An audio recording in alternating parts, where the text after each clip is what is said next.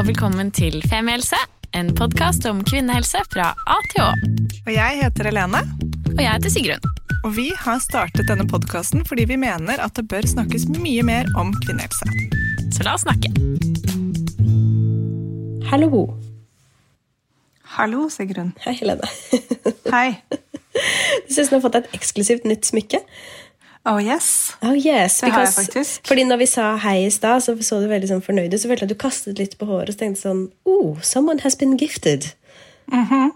Nei, det er faktisk Det er litt reklame, men det er en gammel venninne av meg som er fra København, som har flyttet til Berlin og laget noe som heter Hidden Gems. Ja, Som er en skikkelig fin Instagram-konto som dere kan sjekke ut hvis dere er interessert i perlesmykker. det var dritfint. Uh, ja, jeg er veldig veldig glad i det. Og Du hun har også sånne krystaller på baksiden, sånn krystallbridges, som eh, skal bety forskjellige ting. Da. Alt fra promotes positivity, unconditional love, calms the mind, balance mood swings, som er jo perfekt for meg, Ja.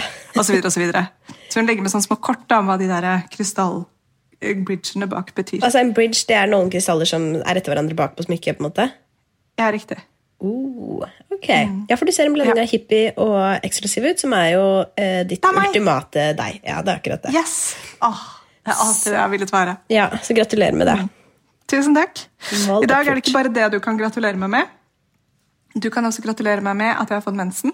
Og gratulerer. Så deilig. Ok, Og dette her er så sprøtt. Ja, det er så deilig. Jeg lå i natt og svetta og svetta og svetta. Var sånn, våknet opp, var sånn våt i dyna og måtte snu den flere ganger. Mm. Våkner opp med en sånn intens uro i kroppen, skikkelig ubehagelig følelse. Tenker at jeg lever et drittliv. Alt er bare Dette her er et vondt liv jeg er blitt satt i denne Ja. jorda for Tenkte du da off til Mexico igjen? Yes. Ja. Og det var bare, men det var virkelig en røff natt og en røff morgen. Gå på jobb, tenker bare denne jobben her er ikke laget for et menneske som meg. Jeg må takke for meg. Og så rundt lunsjtider så kjenner jeg meg litt lettere, og så går jeg og tisser, og så ser jeg at jeg har fått mensen. Og det er bare Det er som at det var bekreftelsen som på en måte skrudde av PMS-klokka. da. Det var bare Altså, Det var den beste følelsen. Jeg ble så glad. Og nå begynner jeg å kjenne at jeg får litt mensensmerter. og sånn, Men fy fader, så nå har jeg snakket med kjæresten min om at vi skal spise pasta og drikke rødvin og feire mensen i dag. At PMS-en er over. Og Dette er jo første PMS med antidepressiver, som vi kan komme litt tilbake på. Som har vært en veldig sånn spennende liten kortreise på ti dager. Det må vi lage Men- en egen episode på når du har vært gjennom noen flere sykluser. Yes. Men uansett, bare Å, fy fader, så deilig å bare kjenne at det bare slapp i dag. Oh, happy Herregud. bleeding day. Happy bleeding day. Nå renses det ut her. Altså, det her Alt. høres ut som når jeg fikk min første mens etter å ha hatt eh, spiral eh, ja, Sist jeg hadde spiral, og det kom på Mm. fuckings 18. mars. Og da drakk jeg nydelig rødvin og tok av meg my overalls, som jeg selvfølgelig hadde hatt på meg på 8. mars, og bare Ja. Det var en feiring, det Ja. også. Ja, nei, så Det var skikkelig en superfin ting som skjedde i dag med meg. Menstruasjon. Ah, gratulerer. På dag 34. Det er ikke så verst for å være deg. Nei. Altså, jeg lurer jo på om jeg kommer til å få mensen igjen, for jeg har jo fortsatt ikke fått mensen etter fødsel. Men jeg har jo satt inn en spiral, da. Ehm, og hver gang etter at jeg har tatt ehm, vaksine, covid-vaksine, så har jeg jo blødd bitte litt. Ja. Så det er jo litt interessant. Ja. Uh, men ikke fått en ordentlig mensen ennå. Så Nei, For dette er også andre mensrunde for meg etter andre vaksine. Ja. Så jeg er spent på om den er annerledes, eller om den er den samme. I så fall så må vi melde det inn. Ja. Sånn er reglene. jeg har fortsatt ikke meldt. Jeg er en, en dårlig kvinnesakskvinne. Ja, Ja. Du, vi må practice what we preach. Ja, men det er først og fremst du som preacher dette, så det er ikke så nei, nei. Nei, det er sant, det. det, er sant det. Ok, Sigrid, jeg har noen tips til deg etterpå om hva du burde gjøre hvis du har bivirkninger. Jeg skal sende deg link. Ja, tusen takk. Mm. Men eh, altså, i dag skal vi snakke med det som må være årets mest ettertraktede kvinne. Eh, I hvert Ja. fall i våre feberhelsekanaler. Eh, fordi denne episoden skal jo handle om diastase, delte magemuskler, eh, som har vært en episode som vi har hatt lyst til å lage lenge, men eh, nå skjer det endelig. Og så la jeg ut en eh, sånn post på Instagram Story for noen uker siden og var sånn Ja, vi lurer litt på om vi skal gjøre det. Fortsatt i tankefasen. Er det noen vi burde snakke med? Og så bare liksom følte at jeg ble nesten truffet av en trailer som bare var sånn Sandra Glippe! Hvor hele Norges eh, Sånn 8. mars-tog som tråkka over oss. Ja, med Ring liksom, Sandra Norges ferdig, ferdigfødte kvinner uh, som har uh, noen form for diastaseerfaring, som bare unisont ropte at dette var kvinnen vi måtte snakke med. Um, og heldigvis ville hun snakke med oss, så velkommen, Sandra. Tusen takk. Det er veldig hyggelig å få lov å være med. Altså, Hvordan føles det å være så ettertraktet? Visste du Nei, det det? visste jeg ikke. Det kom, litt, eh, det kom som et sjokk, for å si det sånn. Men det, Altså, bare som jeg sa til Sigrun, jeg bare, Du må legge ut på Story at Eller jeg kunne gjøre det selv, men jeg ba Sigrun om å gjøre det før. Hun er litt på en måte min assistent. Så er jeg sånn, Sigrun, du må legge ut på Story at Sandra har blitt booket inn. For vi kan ikke få flere tips om Sandra nå. Så det var helt fantastisk. Det var deilig at du kunne òg. Ja, det var veldig, veldig gøy. Men eh, eh, Sandra, for de som ikke kjenner deg, hvem er du, og hva driver du med? ja. eh, Jeg er eh, Hvis jeg skal beskrive meg akkurat nå, så vil jeg si en eh, sliten, høygravid eh, tobarnsmor, snart trebarnsmor.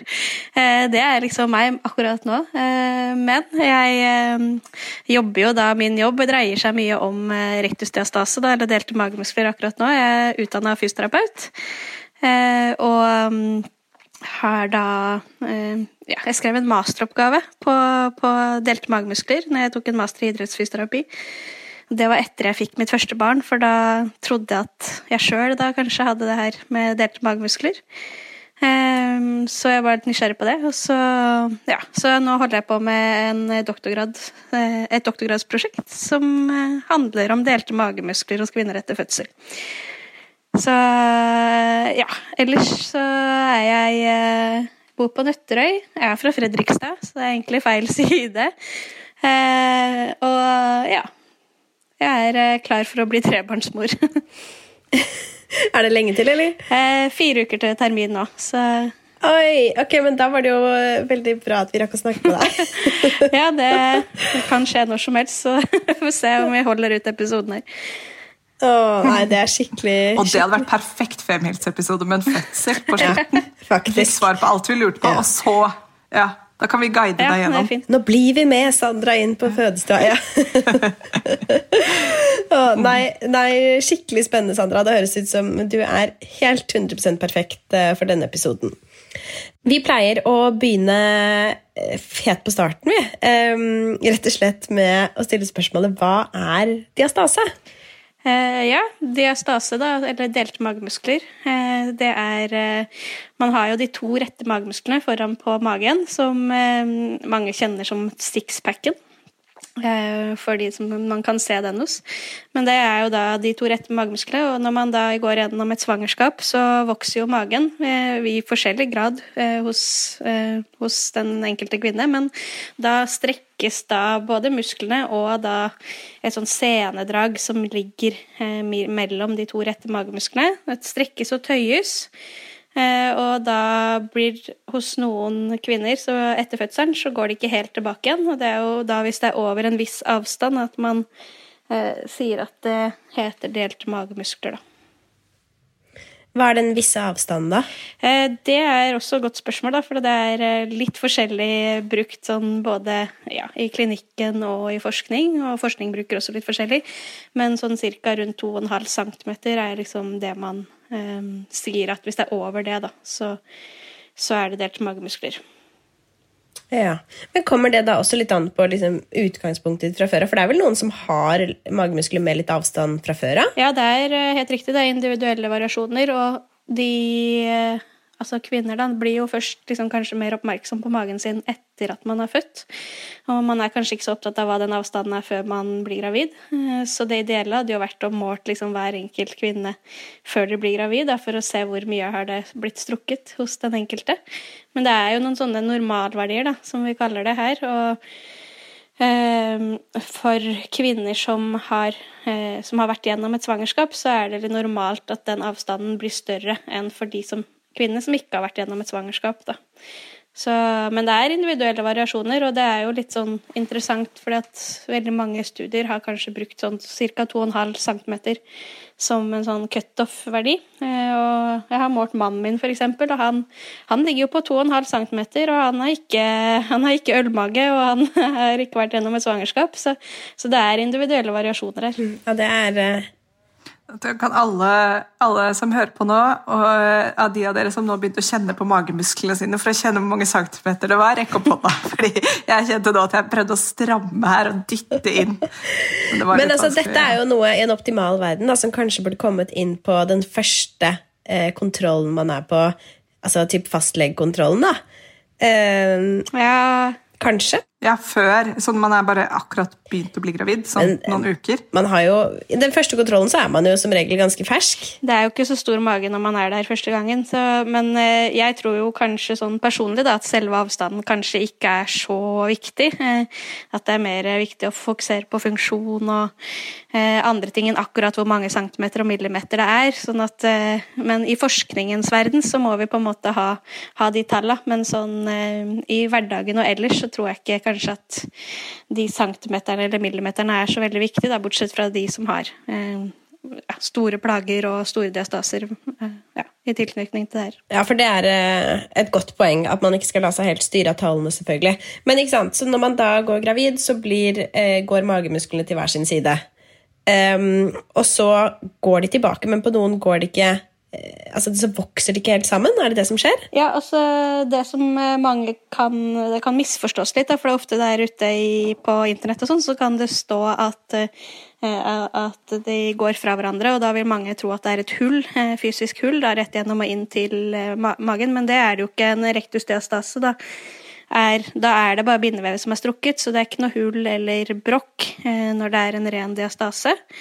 Men eh, som du sier, så går det tilbake for, det flest, for de fleste, og det tar eh, litt forskjellig tid. Altså, noen kan det gå tilbake nesten med en gang, mens andre kan det ta opptil et år. Og det kan sikkert også ta lenger enn et år, men det har vi ikke tall på. Men det kan være f.eks. hvis man ammer eller har andre hormoner i kroppen da, som gjør at bindevevet eh, kanskje kan bli påvirka av det. Da. Eh, at ikke det derfor trekker seg helt tilbake igjen. Så, så er det også Det er ikke sånn at det deles og blir et stort mellomrom for alle under graviditeten. Det er jo forskjellig hvor stor magen blir. og eh, jeg har, eh, nå, nå ser ikke jeg på i mine studier under svangerskapet, men, eh, men eh, jeg har en kollega som ser på det i Bergen, og jeg har også målt noe på noen venninner eh, sånn av nysgjerrighet da, som er gravide. Og der ser man også at noen av de har liksom 1,5 cm som høygravid, f.eks. Sånn at det er veldig forskjellig hvor mye det her senedraget, da, eller linea alba som det kalles, eh, strekkes gjennom svangerskapet. Det er eh, veldig spennende at det er så store forskjeller. Men eh, hvordan oppleves de for de som får det man kaller en diastase, da? Eh, det tror jeg også oppleves veldig forskjellig, fordi at eh, nå Med min bakgrunn, da, som jeg har testa eh, både de med og uten diastase etter fødsel eh, i kliniske studier, så, så har jeg jo f.eks. søkt etter det som heter kontrollpersoner. De som ikke da eh, mener de har delte magemuskler.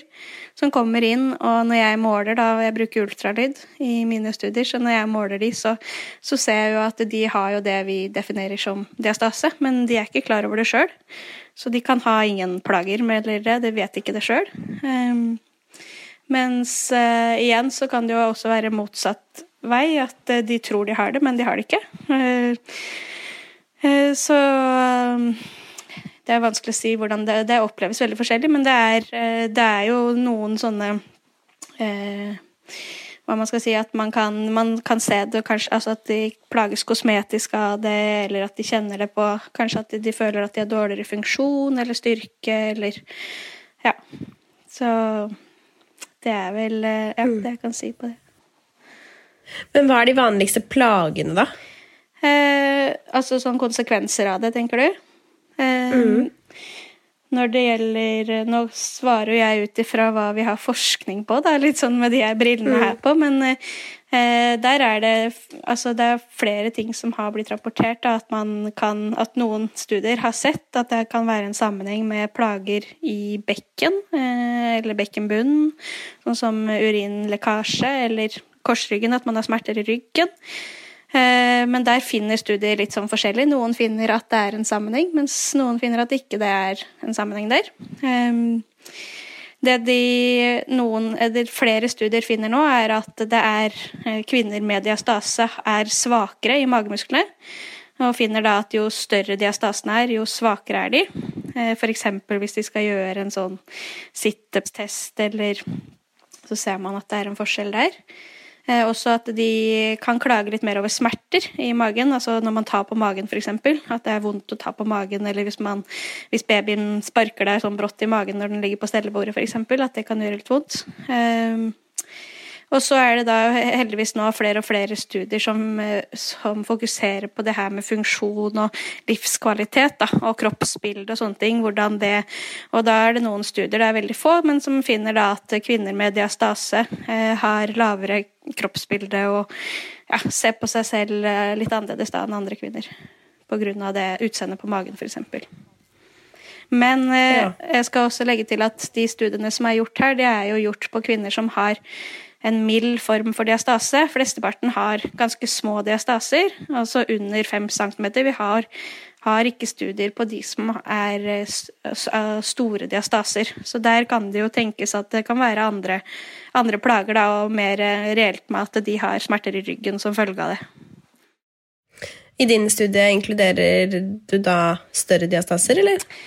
Vi prøver, men det er få av de, heldigvis, kan man jo si for det, at det ikke er så mange. Så ser vi jo på de når det har gått eh, Jeg har jo fire forskjellige studier, kan se om vi kan snakke litt mer om de senere. Det er litt forskjellig i de ulike studiene, men, men i de fleste så har det gått litt tid, og det tror jeg er viktig, at det, for det går naturlig tilbake hos de aller fleste i løpet av det første året.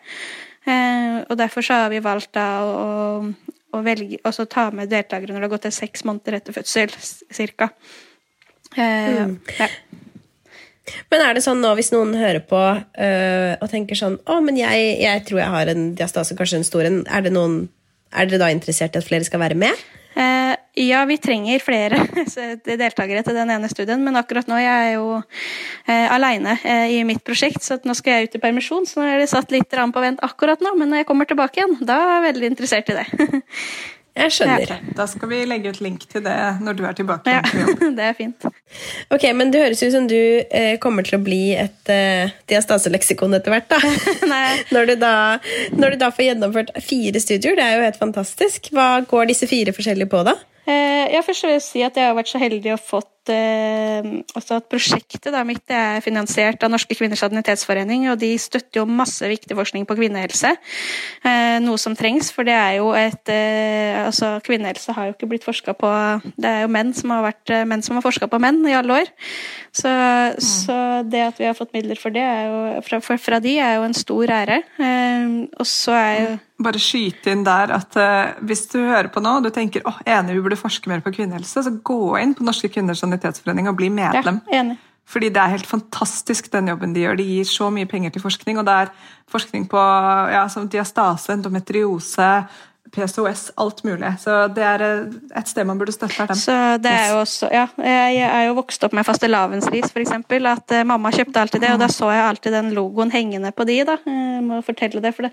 Og så, så nå når jeg, eh, ja, fikk, eller vi fikk midler fra de, så, så plutselig så fikk de her fastelavnsris en helt annen betydning, da. For da, nå husker jeg ikke antallet, men det er jo da eh, kvinner som samler inn de her eh, risa og knytter de og tar på fjær, og sel de selges, og så tror jeg at så og så mange de selger, kan dekke, dekke på en måte ett doktorgradsløp, da, som tilsvarer eh, tre til fire sånne studier på f.eks.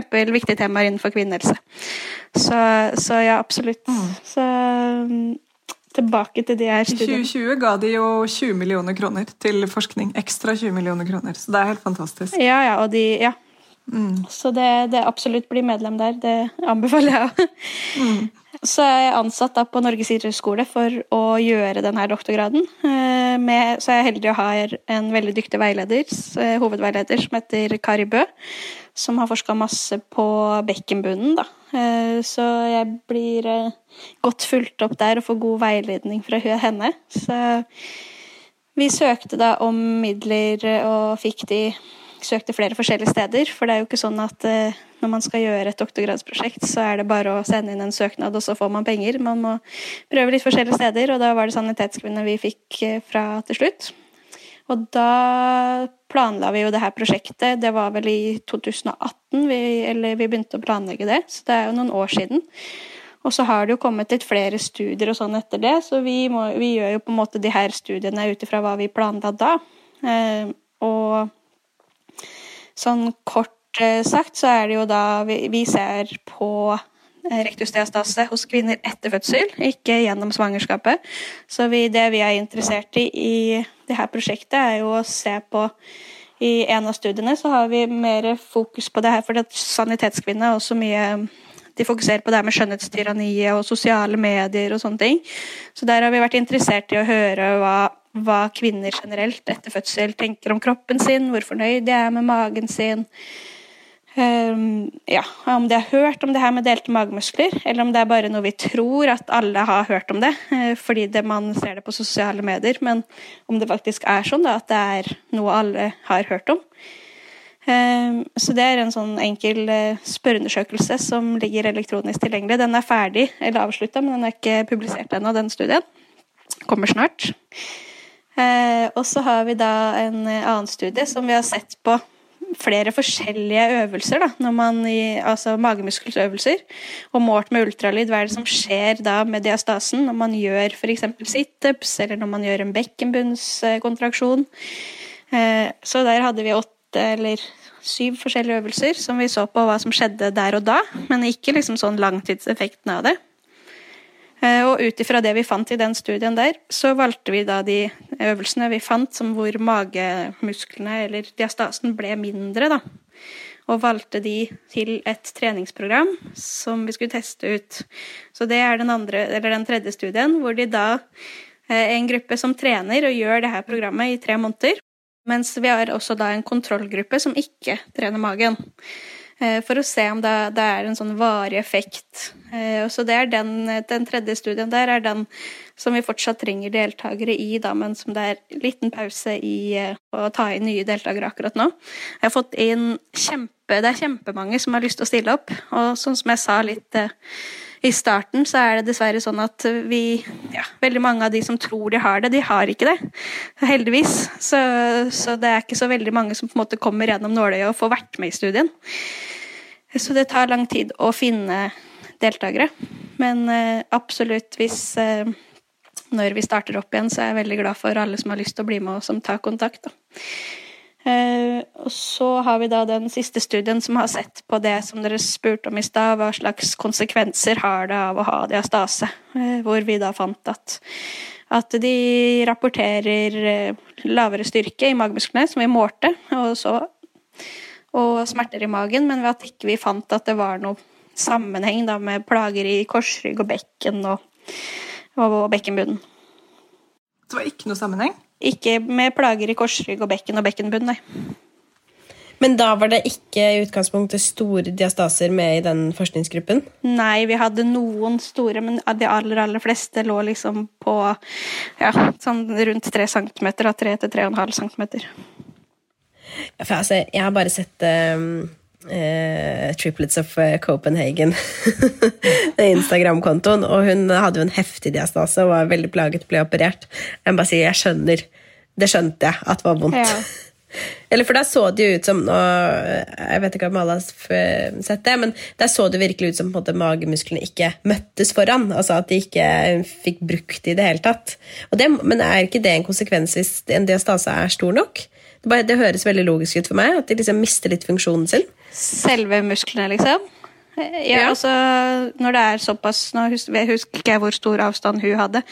Men, eh, men, når det er såpass stor glippe mellom eh, magemusklene, så vil jeg også tenke at det er logisk at eh, det er vanskelig å få kontakt med akkurat de. Eh, men det er jo Foran på magen så har vi flere lag med muskler, ikke bare på en måte de to rette. Man har også skrå og tverrgående muskler da, som, eh, som, også strekkes gjennom svangerskapet, men som vi på en måte ikke er så opptatt av kanskje foreløpig da, i forskningen på det her, men som jeg tror vil komme mer inn etter hvert. da, Se på litt andre strukturer og muskulatur da, foran på magen, som også kan ja, være årsaken til noe av det her. da. Ja, ikke sant. Nå skjønner jeg at du er midt i Holder jo på å forske på dette her, men for de som har diastase av ulik eh, størrelse. Er det noe man kan gjøre? Altså en form for behandling? Det finnes jo et hav av behandlingsmuligheter. sånn Hvis man søker på det, så kommer det opp mange tips om hva man skal gjøre og ikke skal gjøre. og sånne ting. Eh, men sånn først og fremst så kan man jo dele det inn i altså, kirurgisk og ikke-kirurgisk behandling. da, for. Kan, eh, jeg ser jo bare på, på treningseffekten av det her. altså F.eks. styrketrening av magemusklene. så er det jeg kan mest om. Kirurgi kan ikke jeg så mye om. Eh, men eh, når det gjelder da f.eks. trening, så er det da at man kan trene magen på forskjellige måter, eh, og følge da styrketreningsprinsipper. Men så har man jo også andre alternativer, sånn som, som også jeg vet om blir brukt. Det er jo korsett og sånn teip, for eksempel. Ja. Det, er det, er det jeg kommer på nå, i hvert fall.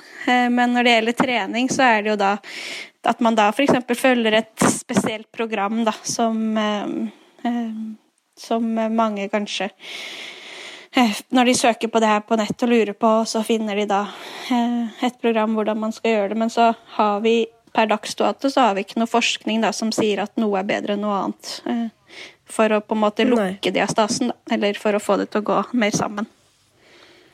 For det er en del av de som har sendt inn, eller dere som har sendt inn spørsmål til oss, dere nevner jo dette som kalles sånn hypropressiv trening. Kjenner du til det? Jeg har hørt om det, jeg har ikke prøvd det selv. Eh, men jeg har fått mye spørsmål om det sjøl, så eh, det er eh, Det er jo av det jeg har forstått, så er det en veldig avansert måte å gjøre øvelser på. Det krever veldig mye teknikk og læring for å lære seg det, de øvelsene. Når det gjelder studier på det, så er det ikke noen sånne studier som har visst at det er effektivt fremfor noe annet.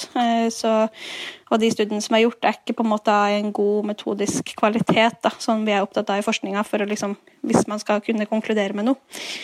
Så men jeg, jeg skal, jeg, det er jo ikke gjort ordentlig studier på det, så jeg kan på en måte ikke svare på om det har en effekt eller ikke. Men jeg syns jo sånn sjøl at det å gå ut og love at det her vil gjøre at diastasen din går tilbake, det eh, er litt å ta i da når man ikke har noe som støtter opp under det.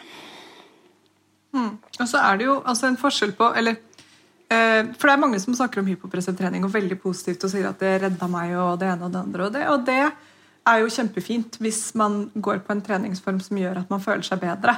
Men det er som du sier, er det sånn at den da eh, fikser diastasen, eller gjør den at du føler deg sterkere og bedre?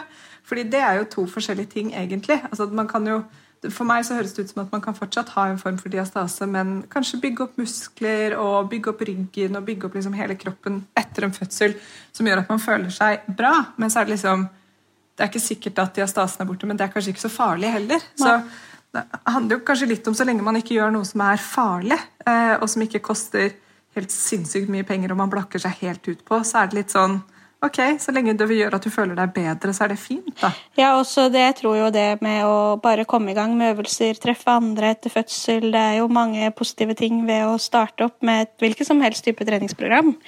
Eh, og så mm. er det jo sånn at det her vil jo gå naturlig tilbake hos de aller fleste. sånn at da er det kanskje ikke akkurat programmet i seg sjøl som har gitt effekten.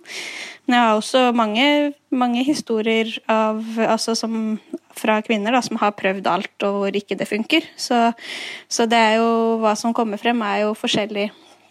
Og jeg skjønner ja. at man, man de, Alle har jo en hensikt om å hjelpe disse kvinnene.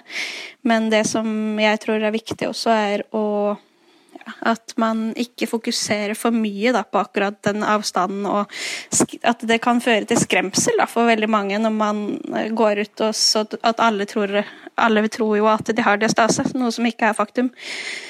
Uh, og ja, måtte betale masse for, uh, for noe som kanskje det å gå en tur ute i motbakke hadde vært like bra, på en måte.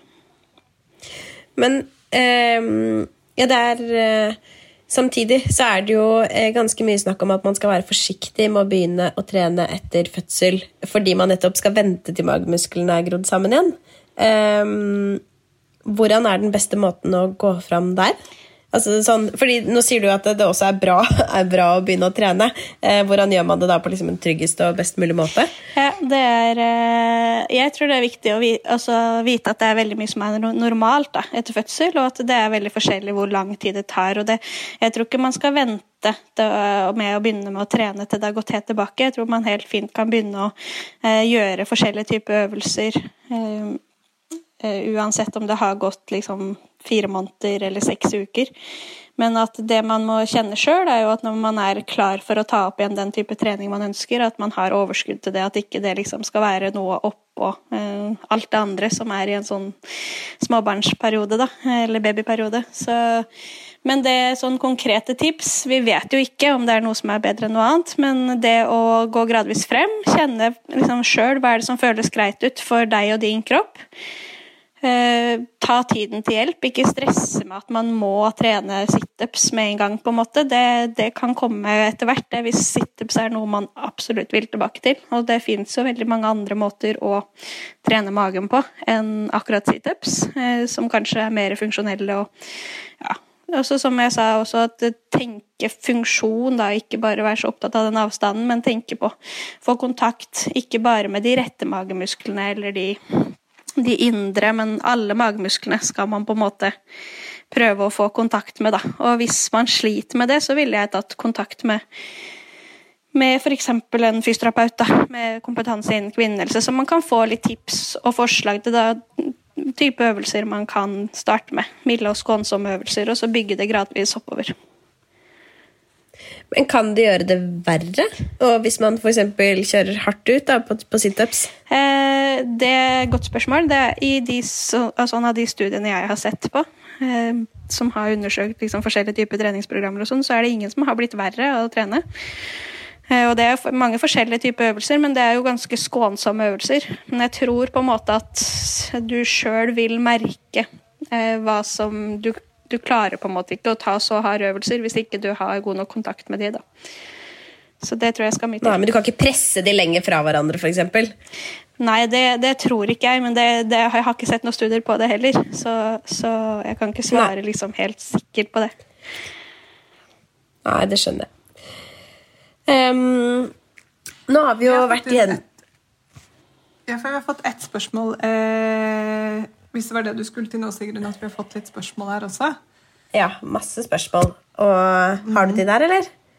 Jeg har ett spørsmål her som kommer på en sånn annen på en side, som jeg kanskje kan begynne med. Ja, begynn med det du, Helene. Det er ditt ja, spørsmål. Det, det, er mitt spørsmål. Nei, men det var En som skrev en ganske lang melding om at hun hadde vært på seks ukers kontroll og fått liksom påvist om at alt så fint ut og hun ikke hadde delte magemuskler, men nå åtte-ni måneder etter fødselen så syns hun fortsatt at det er veldig vondt å trene mage. Hun får veldig vondt i musklene. Eh, og hun sier ikke nødvendigvis bare trene mage, men å trene. At når hun da på en måte toucher inn på magemusklene, så føler hun seg veldig støl og veldig vondt. Eh, det en, altså, har det noe med diastase å gjøre, eller er det bare eller Vet du hva det kan være? Eh, nei, det er vanskelig å si sånn uten å ha sett det, da. Men, eh, men, jeg vil jo tro at når man starter opp med, med å trene magen igjen etter fødsel, så, så vil det for veldig mange, veldig mange vil bli støl i magen. Fordi det er Diastasen er jo det vi måler der, er jo bare bindevevet. Eh, mens musklene har jo også blitt strukket veldig. Eh, så, og det tar tid for å liksom få musklene tilbake på plass igjen også, ikke bare på en måte den her, eh, det bindevevet. da. Så, og det er mange ting som kan spille inn på det her, og hvis det var bare seks til åtte uker etter fødsel, så er det ganske ti Nei, åtte måneder. Ja, åtte måneder. Ja. Først hadde hun vært og sjekket seks uker, eller på seksukerskontrollen så hadde hun blitt sjekket, og alt så bra ut, og så nå, åtte-ni måneder etter fødsel, så var det fortsatt vondt å trene ja. mage.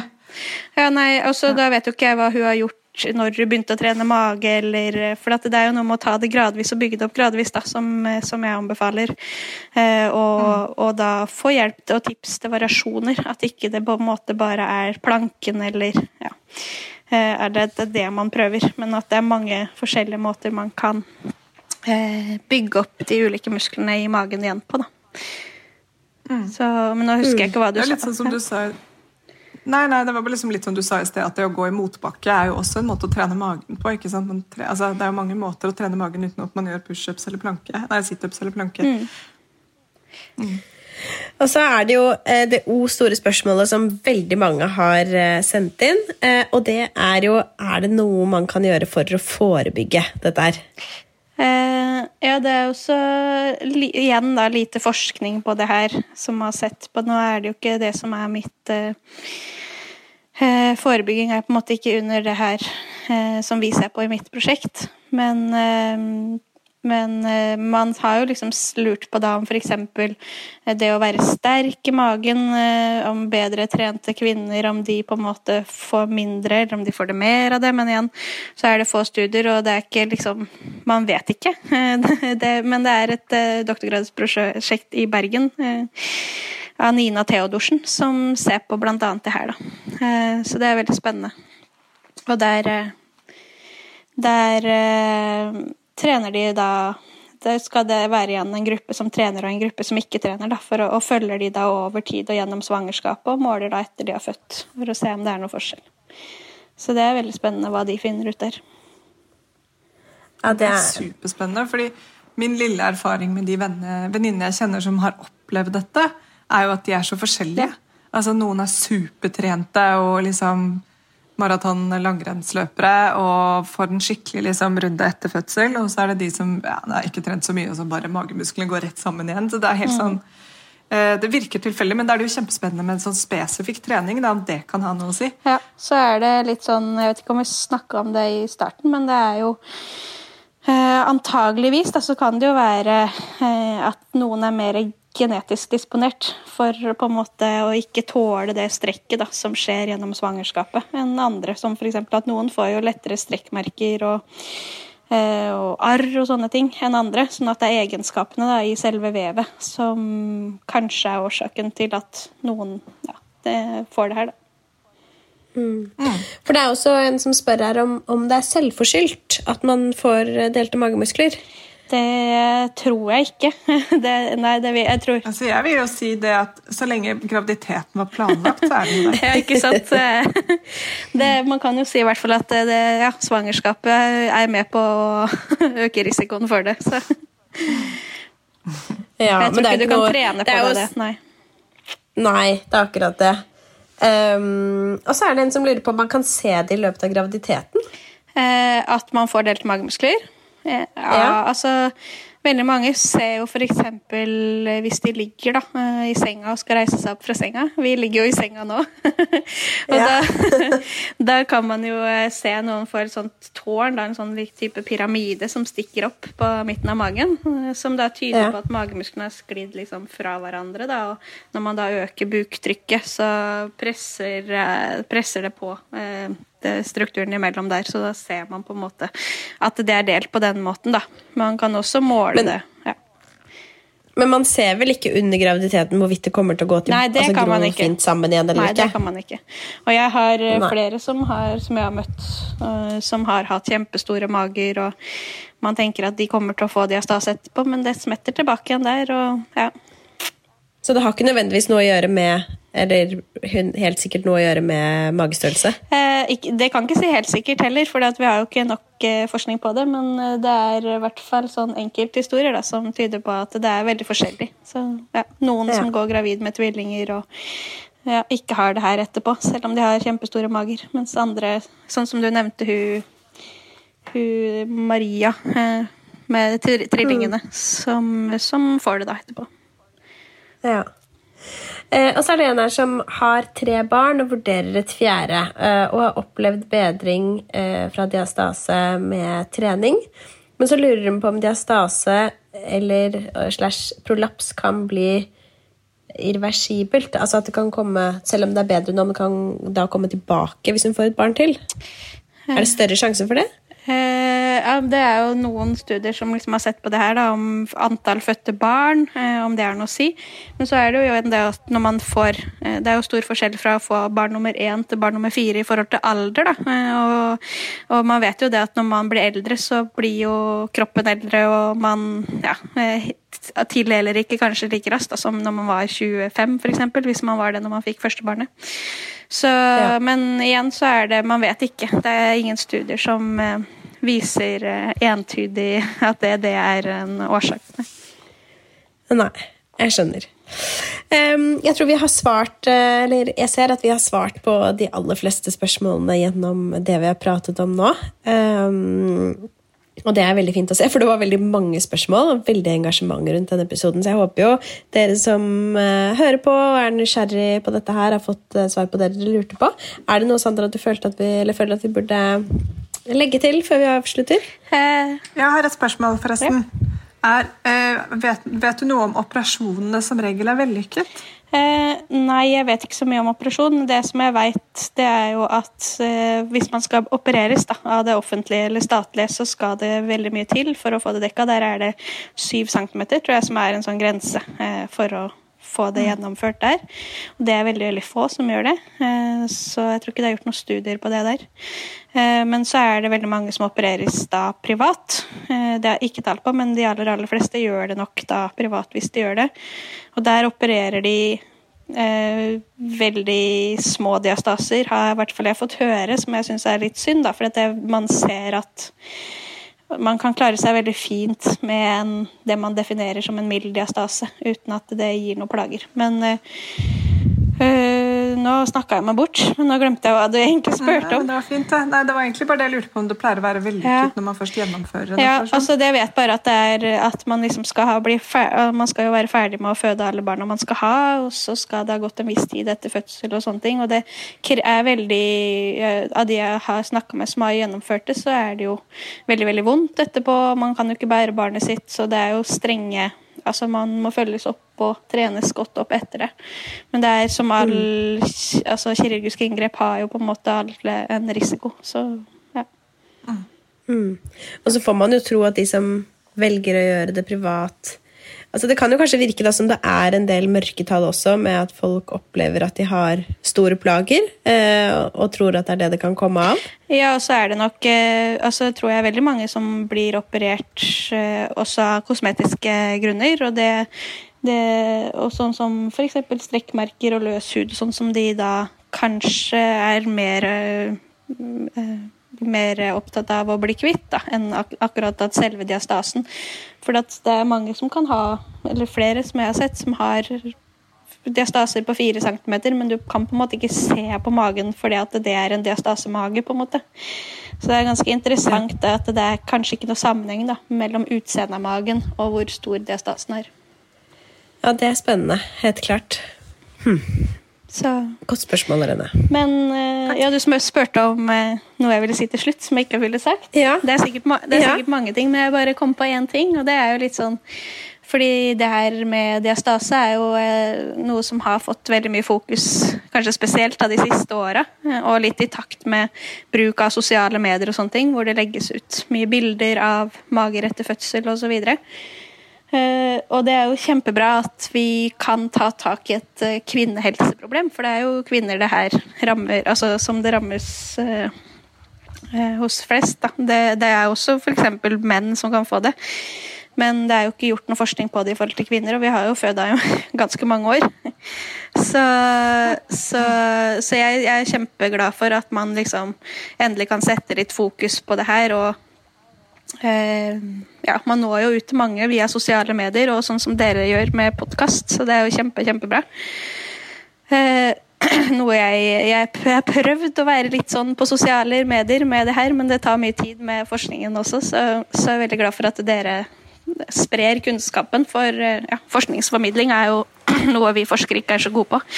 Så det er veldig bra, veldig takknemlig for at dere vil det. Um, Ja, Det er eh, hyggelig, og vi gleder oss jo veldig til eh, disse studiene dine blir publisert og resultatene er klare. Så da spørs om du ikke får komme tilbake for, Ja, ja, for å fortelle hvordan ståa egentlig er. det er veldig hyggelig. Eh, I hvert fall veldig veldig fint å snakke med deg, Sandra. Um, Du eh, kan veldig mye om dette her. Det var deilig ettersom det hadde kommet inn så veldig mange spørsmål. Uh, Så håper vi dere som hører på oss er fornøyde. Vil du si noe mer før vi avslutter, Helene? Nei, det tror jeg, eh, tror jeg var det. Veldig fin episode. Veldig fint å prate med deg. Det er kanskje riktigere enn å si enn å gi meg selv en klapp på skulderen her for vel laget episode. Men det var Men- veldig fint å prate med deg, Sondre. Og så liker jo du å ha siste ordet, Helene, og det klarte du nesten nå. Ja, Ja. jeg gleder meg nå. Ja. Nå greide jeg det. Nå. Ok. Tusen okay. takk, Sandra, for at du kom på besøk, og så snakkes vi alle dere andre der ute. Takk for meg. Ha det! Okay, Ha det. Ha det. Tusen takk for at du hørte på podkasten vår. Selv om det forhåpentligvis kommer tydelig frem, så vil vi understreke at vi ikke er helsepersonell. Ja, så Som vanlig, kontakt legen din om du har noen spørsmål eller om du skal begynne på noen form for behandling. Og har du et tema som du har lyst til at vi skal snakke om, eller noe ris eller ros, så send oss gjerne en melding på Facebook eller på Instagram. Der finner du oss under Femihelse. Mm. Og du kan gjerne rate oss på iTunes, det er skikkelig hyggelig for oss. Ha en fin dag! Ha en kjempefin dag!